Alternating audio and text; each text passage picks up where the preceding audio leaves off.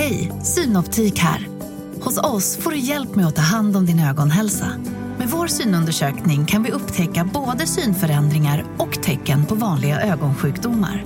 Boka tid på synoptik.se. Podplay.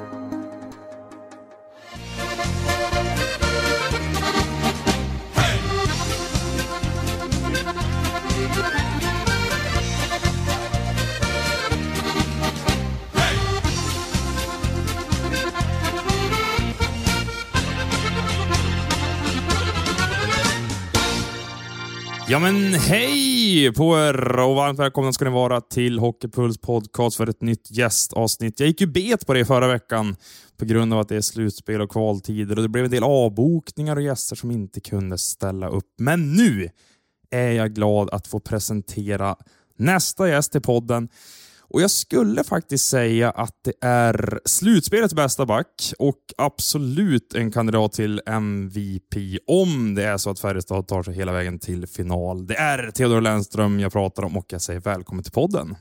Tack så jättemycket. Det var smickrande ord. ja, man kanske alltid ska börja så när man har en ny gäst för att liksom lätta upp stämningen. Det är en bra idé. Ja, faktiskt. Riktigt bra.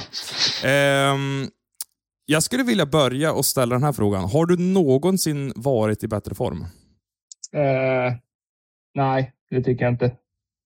Eller nej, det har jag inte. Absolut inte. Och då är man nyfiken på vad är det som stämmer just nu? Eh, ja, det mesta har väl stämt just nu. Eh, sen är det så mycket lättare att spela också när hela laget har klickat på det sättet som, som vi har gjort. Det är alltid ett blad att hitta där ute och du vet, men när det inte klickar så är det svårt att, att spela som back. Men när det klickar så det finns alltid någon att hitta där ute. Och, äh, det är svårt att säga var, just vad det är, men allting, allting faller på plats här nu första matchserien. Men jag kan tänka mig att det är rätt mental, alltså det är en mental bit här också, att självförtroendet är på topp. För jag tycker att det mesta du gör där ute på isen, det är ju en enorm pondus bakom det. Hur, eh, hur, hur viktigt skulle du säga det är, den här självförtroendebiten? Ja, den är jätte... Det är väl den största biten eh, inom sport överlag. Eh, självförtroendet är färskvara och eh, man bygger upp. Ju fler bra matcher efter varandra man bygger upp, ju, då kommer självförtroendet eftersom. Och jag tycker att självförtroendet har, har byggts upp för mig hela säsongen. Från att jag var i KL till att man får spela OS och att man gör rätt bra matcher i OS ändå. Och sen därifrån komma tillbaks hit i ett lag där man, där man varit förut, man trivs, man känner alla runt omkring. Och eh, ja, men det har ändå liksom gått rätt bra från början att jag kom hit. Så ja, det är en färskvara och den har, den har byggts upp under hela säsongen tycker jag. Men det jag tycker är att du är du är mer komplett än vad du var innan du lämnade för det nordamerikanska äventyret. Var det någonting som hände där i det defensiva arbetet som du känner att du har slipat på och gjort att du är mer bekväm i alla zoner och i alla delar av spelet? Jo, men det tycker jag absolut. Eh, jag lärde mig lite små, små knep i defensiven där borta. Jag började få spela över, över 20 minuter per match i AHL. Började få upp liksom det tempot i kroppen och sen kom jag i år till till KL och fortsatte få spela ja, en bra bit ändå, över 20 minuter per match. Och eh, med det så har det kommit att jag, jag orkar. Jag orkar åka mycket mer. Mycket, mycket mer än vad jag orkat åka innan och eh, innan kanske jag åkt, orkat åka en rush upp och eh, en backcheck tillbaka. Men nu, nu känner jag inte att jag blir trött på samma sätt och när jag väl blir trött så återhämtar jag mig mycket fortare. Och det tror jag att, det, är att man känner att man orkar. Liksom. Man orkar ta, jobba hårt i försvaret eh, en stund och sen även att man orkar följa med upp ett anfall utan att, eh, att få den där tröttheten. Det, det självförtroende man får i det känner jag har varit viktigt för mig. Den där fysiska aspekten är ju jätteintressant och det kanske inte är någonting som du kan bygga upp enbart på försäsongsträning och vad du gör under säsongen på olika träningspass, utan det kanske är en kontinuitet i en hög speltid match efter match, säsong efter säsong egentligen. Ja, alltså man tränar stenhårt varje försäsong och det, när man väl kommer på isen så är det en helt annan trötthet. Man, första passet i augusti är man helt slut ändå. Så jag tror att eh, det är någonting man bygger upp genom att spela mycket, eh, som du säger. Och, och det jag fått göra nu under, ja, jag fick inte så många matcher där borta. Det var en konstig säsong eh, i Nordamerika, men ja, jag har fått bygga upp det under en och en halv säsong säger vi då. Och eh, jag känner verkligen nu att ja, jag har fått nytta av det. Du säger det, att det var en konstig säsong. Det är ju corona, det, det är liksom coronadrabbade året om man säger så. 2020, 2021 när det inte var några människor på läktarna i varken NHL eller AHL. Eh, när man tittar på den där sessionen så tänker man ju så här, okej, okay, Bakersfield Condors, AHL-lag till Edmonton. Men det måste ju ha blivit några ispass ändå med Edmonton och att möta Conor McDavid och Leon Draisaitl, det kanske också har hjälpt dig att utvecklas i rätt riktning? Det har absolut hjälpt mig, men ja, som du säger, det var en konstig säsong. Jag kom över till campen. Man fick sitta två veckor i karantän, vilket alla fick i och för sig. Men sen kommer man direkt ut i campen. Eh, det är svårt att ha gjort sig förberedd. De har aldrig varit där över också innan. Eh, sen blev jag nedskickad som siste man ner till AHL. Eh, och då var det en karantän där i fem dagar. Sen spelade jag sju matcher där nere och så blev jag uppkallad igen. Och då var det en ny två veckors karantän för att i Edmonton var ju ja, NHL-laget i Edmonton och sen AHL-laget i USA. Och då när man kommer in i Kanada igen var det en ny två veckors karantän. Mm. Och så från det rakt ut i träning med, ja, som du säger, Conor McDavid och Dreisaitl igen. Och, eh, alltså det tog hårt på kroppen faktiskt. Eh, man hade ont i kroppen hela, hela tiden jag var där över tyckte jag. Och samtidigt så vill man ju aldrig vika ner sig. Man hade fått den här chansen. Man, Men för att träningen var så tuff eller? Nej, för att jag kom direkt från karantänen rakt ut i full träning. Ja, man har suttit på hotellrummet i två veckor. Kontrasten var för stark helt enkelt? Ja, utan att ha fått ett ispass. Det enda jag hade på rummet var en eh, sån träningscykel. Så att, ja, det var... Sen var jag den där taxiskåden och utan att spela matcher i två och en halv månad innan jag kom tillbaks ner till Bakersfield. Så jag fick liksom inget, inget flow i spelet när jag var där borta. Jag är ändå lite nyfiken på hur, eh, hur du liksom uppfattar de här två jättestjärnorna som de ändå är, McDavid och Dreisaitl. Vem imponerade mest på dig? Eh, och Kan du liksom singla ut lite detaljer från de där ispassen också? Någonting som du kanske kände, oh, det där kan ju ingen annan förutom den här spelaren.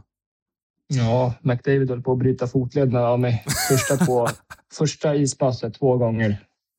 Först gick han runt mig när jag försökte hänga med honom. Jag hade inte tagit tillräckligt bra gap. Och andra gången så gapade jag upp ordentligt och, och matchade ändå farten. Men då hoppade han in i mitten istället och försökte jag bromsa och, och följa med. Men då, ja, kändes som hela fötterna, fot, eller fötterna skulle gå av.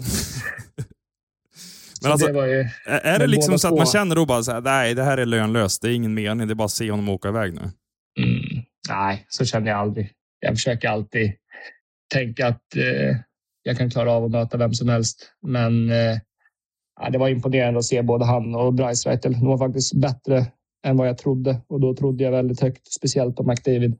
Ja, men bättre än vad du trodde alltså? Ja, det var helt, helt sjukt faktiskt hur bra de var.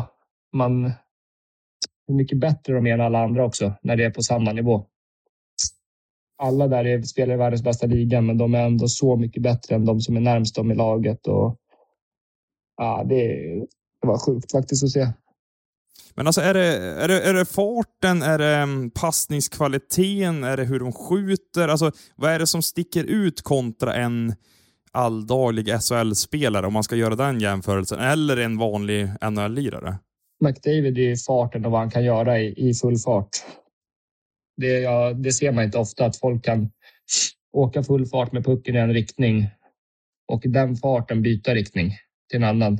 Jag har sett spelare som eh, drar ner på tempot och kan göra ja, grejer i liksom ett lägre tempo men fortfarande är sjukt skillade. Men han kan göra det i full, full fart och nästan kunna göra vad som helst med sin kropp och händer. Och det är väldigt imponerande med McDavid och sen tycker jag Dreisaitl att hur smart han är och hur bra passningar han kan slå med backhand och han är alltid beredd på att skjuta. Ja, de är sjukt imponerande på lite olika sätt, men båda två var ja, otroligt bra. Undrar om inte Dreisaitl har den bästa, mest hårda backhandpassningen i hela NHL. Och att han kan slå flippmackor med sådan precision också. Ja, alltså, den backenpassen har jag aldrig sett något liknande i mitt Nej. liv. Ja, det är häftigt alltså. Och sen har han en helt annan fysisk ram än McDavid också. Alltså han måste vara ja. enormt svår att ta pucken ifrån. Ja, han är jättestark och han står alltid rakt på skridskorna. Han är svår liksom att rubba. Och det gör också att han kan, ja, från att han har pucken så kan han göra vad som helst. Han kan passa, han kan skjuta. Ja, han har otrolig balans på skridskorna. Har han. Så jag gissar om jag ställer frågan vilka två spelare som du har delat omklädningsrum med som är de allra bästa, då är det de två du säger då? Ja, det är solklart. Det finns ingen som är i närheten. Nej, inte ens Jocke Nygård eller Linus Johansson eller Delaros. De är inte uppe där och tampas heller. Ja, om man jämför med de två, då... Det är otroligt bra spelare, men det går inte att jämföra. Det gör det inte.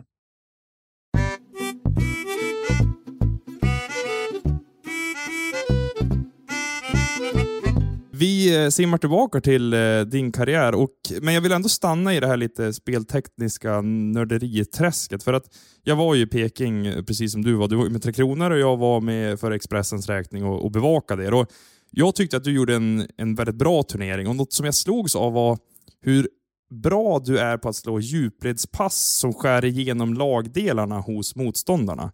Är det där någonting som du har tränat medvetet på eller är det där rent instinktivt att det där händer? Det där är nog rent instinktivt faktiskt, för det är aldrig någonting jag tränat på just så. Utan jag försöker alltid innan jag hämtar puck och försöker alltid försöka se hela situationerna, vad som ska hända på isen, vart folk är på väg. Eh, och därifrån ja, så slår jag passningar instinktivt vad, vad jag ser liksom att folk är på väg, vad, vart folk är på isen. Så att eh, där är inget jag tränat fram, utan det, det finns nog bara där faktiskt. Skulle du säga att det är en av dina största styrkor? Uh, ja, jag tycker det är en väldigt stark, uh, eller det det är en styrka jag har i alla fall. Sen om det är en av mina största styrkor, det har jag inte reflekterat över just så. Men jag har alltid känt liksom att jag är bra på just den biten. OS-äventyret ska vi också ta här. Uh, nu slutar det på ett bittert sätt för Tre Kronors del, men hela den upplevelsen. Um, jag vet ju en del vad du var med om där med munskydd varje dag och speciell kost och det var tester hela tiden och det var karantän för några i Tre Kronor också. Nu när det har ja, gått... för mig bland annat. Ja, för dig bland annat. Exakt. Hur, mm. hur ser du tillbaka på hela upplevelsen nu när det har gått några månader? Alltså, just den där runt omkring, det var ju lite, lite jobbigt sådär. Men samtidigt så var det, vi hade ändå ganska, vi hade kul ihop liksom och vi, vi hade det bra tyckte jag. Vi hade, det var bra faciliteter man bodde på eh, och sen själva hockeybiten var ju magiskt. Det är svårt att sätta ord på det, men det var någonting som jag aldrig upplevt förut och det var ju första gången jag fick dra på mig landslagströjan och det är någonting man har drömt om liksom hela karriären. Att få sätta på sig landslagströjan och, och eh, ja, få bära de färgerna, det var en jäkla stolthet. Sen slutar det ju, alltså med, jag vet inte, det, det är otur på ett sätt med Ryssland-semin där som går till straffar och där känns det som ett 50-50 läge. Sen är det väl någon typ av soppatorsk mot Slovakerna i bronsmatchen, eller? Ja, det var, bronsmatchen var jäkla tuff. Det kändes som att vi, vi torskade liksom mot Ryssland. Sen, vi hade krigat så sjukt hårt ihop och hade gjort så jäkla bra matcher mot Finland när vi tappade där också. Tyckte jag vi gjorde en riktigt bra match, förutom de ja, de lyckades få in tre puckar på tre lägen i princip. Eh, och sen gör vi ja, grym match mot Kanada. Grym match mot Ryssland. Kunde gått hur som helst. Och sen, ja, det är inte så konstigt att det blir soppatorsk där. Det gick ju för, för guldet liksom, att spela final. Men det är såklart man vill komma hem med en, med en bronspeng, men ja, jag tycker vi, all, vi gjorde allt. Det fanns inga, inga krafter kvar. Men när du eh, liksom snackar med gänget som var där borta och ni kanske har någon WhatsApp-grupp eller att du hörs med, med killarna i laget också från Färjestad som var där. Hur, hur lyder konsekvensanalysen? Alltså varför det blir en fjärde plats och inte ett guld eller silver? Jag tror det. Alla förstår att det är små marginaler. Alla vet att vi hade vi var sjukt nära att gå till en eh, OS-final och vi var det kan gå hur som helst när det står i vägen en match där. Ryssland eh, hade ett otroligt bra lag. De var väl topptippade att vinna alltihop, skulle jag tro. Mm. Det var ju de och Finland som tippades ta guldet och silvret. Ja, om man kollar på, på spelarna de har och Hej, Ulf Kristersson här. På många sätt är det en mörk tid vi lever i. Men nu tar vi ett stort steg för att göra Sverige till en tryggare och säkrare plats. Sverige är nu medlem i Nato. En för alla, alla för en. Vi är specialister på det vi gör, precis som du. Därför försäkrar vi på Swedea bara småföretag, som ditt. För oss är små företag alltid större än stora och vår företagsförsäkring anpassar sig helt efter firmans förutsättningar. Gå in på swedea.se företag och jämför själv. Om man kollar på hur vi var tippade liksom innan turneringen så gjorde vi en sjukt bra semifinal. Men eh, ja, det är små marginaler. Det vägde inte på vår sida den här gången. Men det fanns inget rent taktiskt eller i förberedelserna som du har känt i efterhand att ah, där kunde vi nog ha justerat på en del grejer? Det är alltid svårt, eller alltid lätt att säga i efterhand, men man, man gör ju alltid det taktiska bästa som man tror för laget och det, vi alla jobbade ihop och vi gjorde det vi trodde på. Ja, som jag sa än en gång, alltså vi hade många lägen att kunna avgöra i, i förlängningen också. Ja, det- vi, vi lyckades inte helt enkelt, men ja, jag tyckte vi, tycker vi ska känna en stolthet ändå över den prestationen vi gjorde och hur vi jobbar för varandra. Det För där bör... gjorde vi allt. Ja, exakt. Sen började du sippra ut eh, uppgifter i, under slutet av OS att eh, du hade signat med Färjestad. Kan du inte berätta nu? Alltså, när tecknade du det där avtalet? Jag gjorde det där. Jag kommer inte ihåg exakt när det var nu, men jag gjorde det under, under OS så var det klart att ja, de som inte var i slutspel i KL skulle vara säsongen över för. Och direkt när jag hörde de ryktena så började jag snacka med, med min agent liksom att ja, kolla, kolla all, alla alternativ i Europa och ja, vart det nu kan finnas att spela. För jag vill inte att min säsong ska ta slut nu. Eh, och kolla om det är möjligt liksom att bryta med, med eh, ja, Torpedo som jag var i. Då. Och så kollade han allting och så fanns lite olika erbjudanden och sen kom Färjestad upp i, i bilden. Och då kände jag nästan direkt att liksom det skulle vara jäkligt kul att komma tillbaka till Färjestad och spela med mina vänner och speciellt eh, Micke Lindqvist då, som är en av mina bästa vänner. Ni har ju AIK-bakgrunden där och jämngamla. Och... Ja, då vart det så. Hur sålde Wallin och gänget in det då?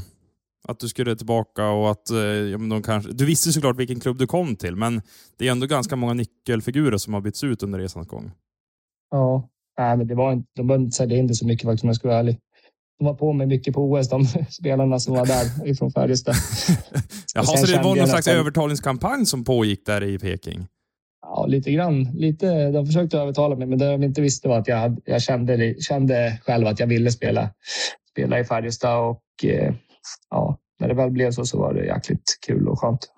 Vi ska ju säga det också att du väljer Färjestad några dagar innan Rysslands invasion av Ukraina som sker 25 februari. Eh, Mm. Så du väljer att sticka hem tidigare där. Hade det varit så, det här är en hypotetisk fråga, jag vet, men om Torpedo hade tagit sig till slutspelet, hur hade Mm. du resonerat då? Hade du velat bryta och åka hem till exempel som Lukas Wallmark och Joakim Nordström, eller hade du stannat kvar och spelat som diverse svenskar just nu gör? Det är svårt för mig att säga det, utan jag vill inte gå in på den frågan, för jag hamnar inte i den situationen. Det är lätt att sitta och säga vad man skulle göra och inte göra. Eh, men eh, ja, jag sitter i en situation, jag har fortfarande kontrakt med Torpedo inför nästa år. Eh, det var deras krav då när jag skrev på för Färjestad, var att jag skulle skriva på ett nytt eh, ja, ett kontrakt för året efter. Eller ja, nästa år. Okej, Men- för att du skulle släppas helt enkelt? Ja, så under OS där så skrev jag på ett kontrakt med eh, Torpedo också inför nästa år. Eh, och ja, som omständigheterna ser ut just nu så vill jag inte tillbaka och, och spela där. Eh, och det är väl så mycket jag kan säga och jag vet inte hur det kommer funka med att bryta kontrakt och allt sådana där saker. Men jag lämnar allt det där till min agent så får vi se. Just nu vill jag bara fokusera på slutspelet och så får man se liksom efter säsongen vad, Mm. vad ja, Men det är bra att vi Ja, rätar ut några frågetecken här, för jag har sett ändå att det har cirkulerat en del uppgifter, att det har varit supportrar som inte riktigt har förstått det där andra året med Torpedo, att du i så fall förlängde har vissa trott efter att Ryssland gick in i Ukraina. Men här säger du att... Ja, alltså det, samma... jag, det kan jag säga direkt det skulle jag aldrig göra. Nej. Utan det här skedde samma vecka, att du valde Färjestad för den här säsongen och att du förlängde med Torpedo. Ja, jag hade inte kunnat skriva på för Färjestad om jag inte signat ett nytt ko- kontrakt med Torpedo. Mm. Hur, var hur ser det liksom ut just nu då? krav. Alltså, Just- kan du, alltså, hur, hur går egentligen den processen till med att försöka lösa det från kontraktet? Jag har inte lagt mig in i det där. Jag vill bara fokusera på slutspelet. Jag har lämnat allt det där till min agent. Och så får vi gå igenom allting efter säsongen. Mm. Utan nu vill jag bara fokusera på hockeyn. Annars är det lätt att det hamnar fokus på fel saker. Och, och jag kan inte prestera 100 procent för, för mitt lag. Utan jag vill bara fokusera på hockeyn och sen... Ja, vi har ju agenter till, till just sådana här saker.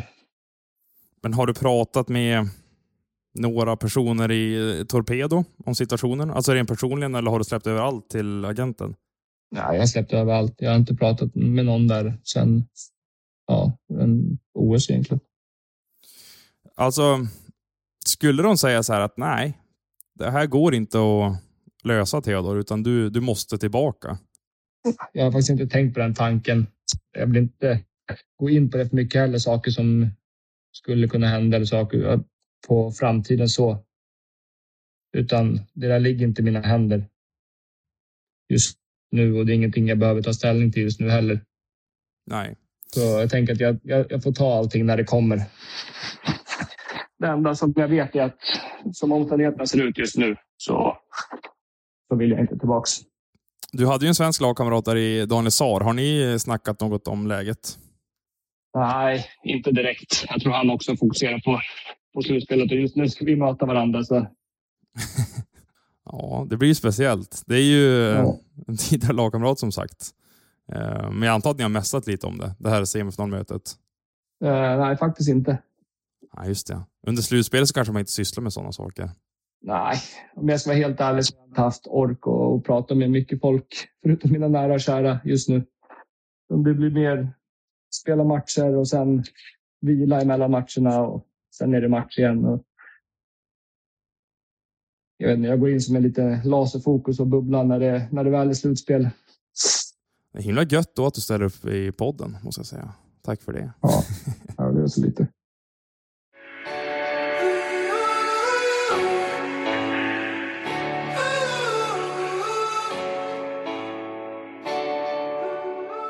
Nej, men du, eh, Färjestad här då, era guldchanser. Alltså det, det, det märks nu att folk i Karlstad, de börjar ju tro igen.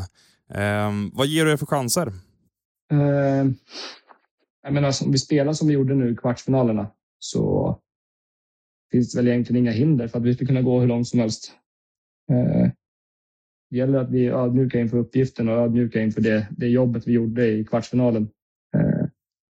Om vi förstår det och vi fortsätter med det jobbet så tror jag att, att eh, vi kan absolut gå hur långt som helst. Thomas Mittell, hans eh, filosofi och hur han leder gruppen och även kanske rent taktiskt. Jag är lite nyfiken på här, hur du uppfattar honom som ledare och tränare. Eh, måla bilden för oss. Jag tycker han har kommit in med en väldigt klar bild eh, vad han vill. Eh, duktig på detaljer. Eh, det är raka linjer. Och eh, eh, hade nog mer på tungan. Men duktig på detaljer, vad Ja, kan just det vara? Han, han, stä, han ställer höga krav Ja. och vilket eh, jag gillar mycket. Jag tycker det är viktigt. Om man ska, om man ska vara uppe i toppen och fighta som att vinna guld så behövs det väldigt höga krav. Och det, det tycker jag är viktigt. Det kändes som att du bockade av varje hockeyklyscha om en tränare där faktiskt. Alltså, Eh, ställer- Jag sa faktiskt bara precis tyckte. jo, men det, ja, jag vet, jag vet. Men det var ändå liksom bra sammanfattning av de eh, ord som man vanligtvis hör om duktiga tränare. Du fångade in Mm. liksom allting. Men du sa också att han är duktig på detaljer. Vad, vad kan det mer konkret vara? Eh, jag vill inte gå in på det för mycket nu när vi är kvar i slutspelet. Jag vet inte vilka som lyssnar på det här. Ja, det är bara du och jag som Det- har podden här ju. Ja, ja, det är svårt att gå in på det. Jag vet inte om jag vill göra det riktigt. Utan Nej, jag köper det. det kan vi ta sen efter slutspelet till slut. Ja, men det kan vi göra. Men så här, vad är det för eh, Färjestad du har kommit tillbaka till jämfört med under de åren du spelade där senast? Jag tycker väl det ser ganska likt. Liksom. Det är många de flesta är kvar. Jag tror det är 13 stycken i laget som är kvar. Alla är kvar runt omkring. Eh, skillnaden är att det är, en, det är en annan tränare än jag var sist. Eller alla tre. Alla tre tränarna är annorlunda sen jag var sist. Hur skiljer sig Penneborn mot Mittell då? Det vill jag inte heller gå in på för mycket, men jag tyckte Pennan var en jäkla grym människa och eh, en bra tränare också. Eh, sen hade han varit här länge och han hade gjort ett jävla bra och eh, stolt jobb för klubben. Jag tycker han ska vara jäkligt stolt över sig själv. Men eh, sen har Mittell kommit in och ibland behövs det göra ett, ett göras ett byte någonstans. Eh, och Mittell har kommit in och gjort det riktigt bra, vilket vi alla har sett just nu. Men Theodor, gillar du Värmland? Alltså jag tänker, dina säsonger där med Bickalskoga 15 till 17, det är där du får ditt seniorgenombrott och sen får du SHL-chans med Färjestad, utvecklas till en av de bättre backarna i ligan. Vad är det som funkar i den delen av landet för dig?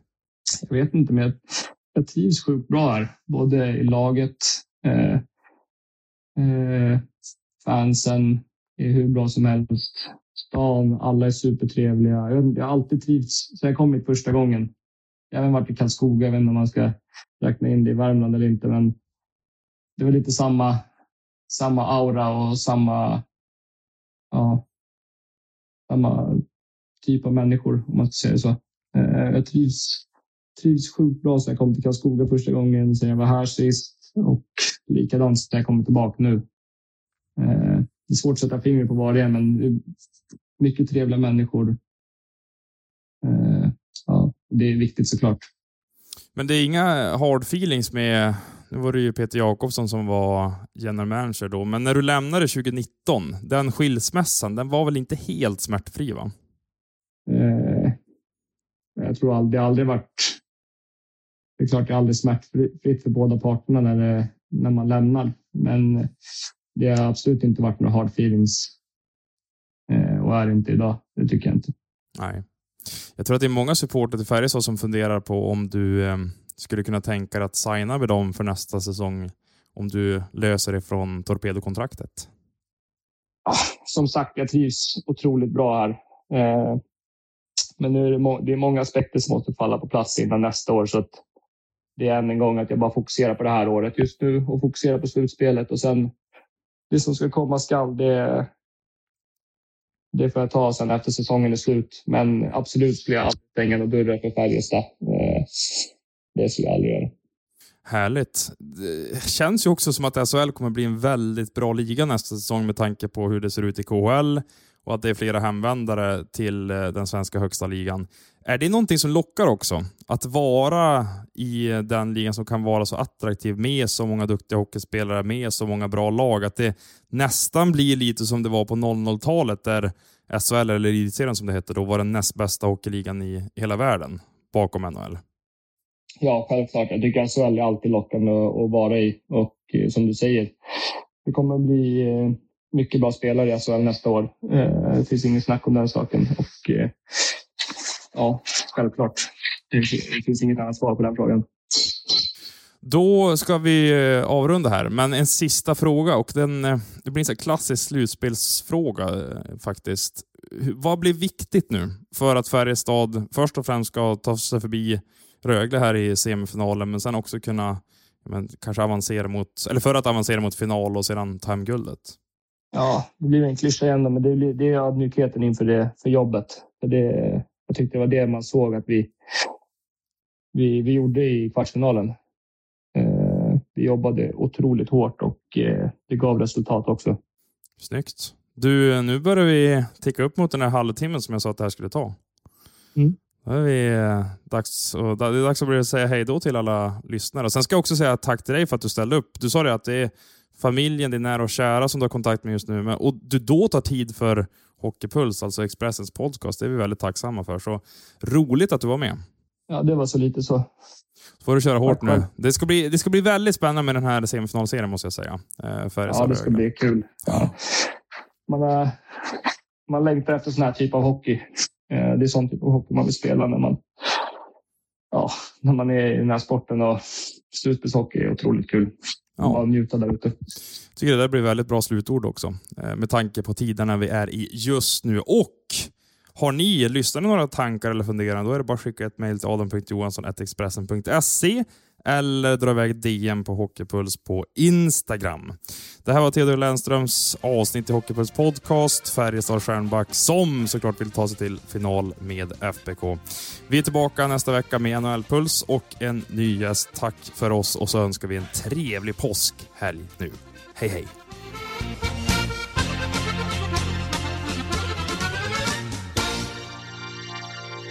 Du har lyssnat på en podcast från Expressen. Ansvarig utgivare är Klas Granström. Hej, Susanne Axel här. När du gör som jag och listar dig på en av Krys vårdcentraler får du en fast läkarkontakt som kan din sjukdomshistoria. Du får träffa erfarna specialister, tillgång till lättakuten och så kan du chatta med vårdpersonalen. Så gör ditt viktigaste val idag, lista dig hos Kry. En nyhet. Nu kan du teckna livförsäkring hos Trygg-Hansa. Den ger dina nära ersättning som kan användas på det sätt som hjälper bäst. En försäkring för dig och till de som älskar dig. Läs mer och teckna på trygghansa.se. Trygg Hansa. Trygghet för livet.